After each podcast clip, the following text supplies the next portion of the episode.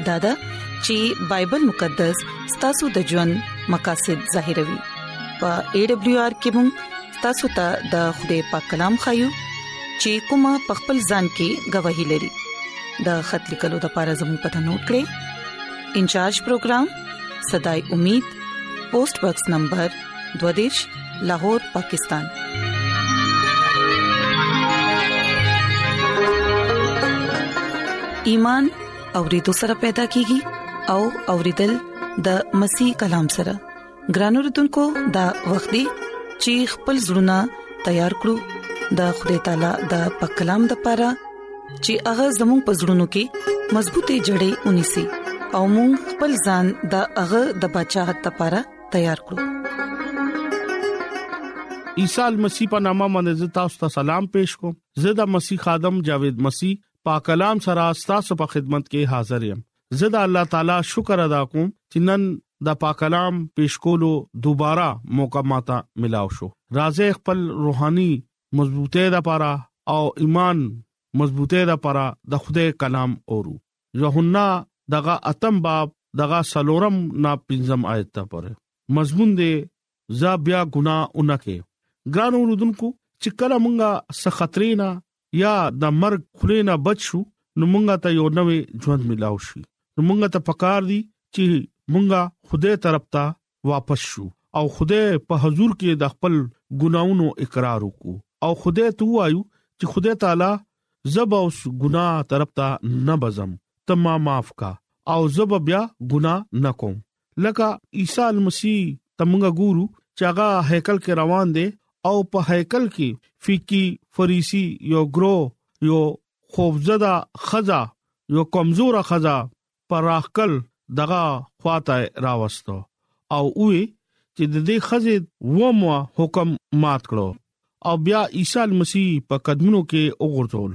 او وی اے استاد دا خزه زنا په ان فعل په موقع باندې مونږه اونی ولا موسی په نسبت تسوي عیسی مسیح اغه ټیم اغه خزه راوستا او اغي سنسا یو چال جوړ کړو چې اغه انزام لګئی اغي دا غوښتو چې مونږه سنسا پجال کې اغي گیر کو او عیسی مسیح چې سمو وي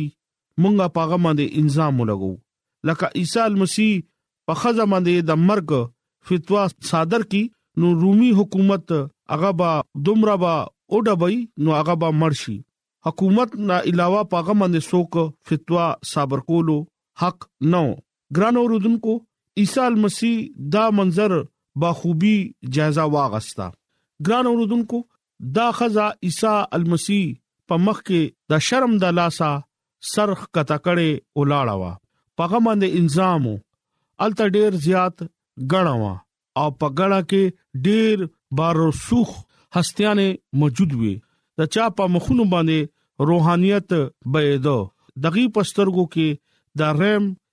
هیڅ سیز نه ښکارېده ګران رودونکو د دې حیبتناک منظر ته چې کله مونږه ګورو او دغي پاکیزګي روحانيت ته مونږه ګورو دا سه ظاهرېدو او هغه ورنه سوال وکړو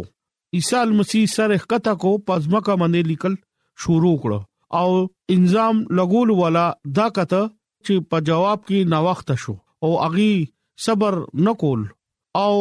چې کله اغي دا وکړو چې مونږ ته به جواب ضرب ملاويږي نو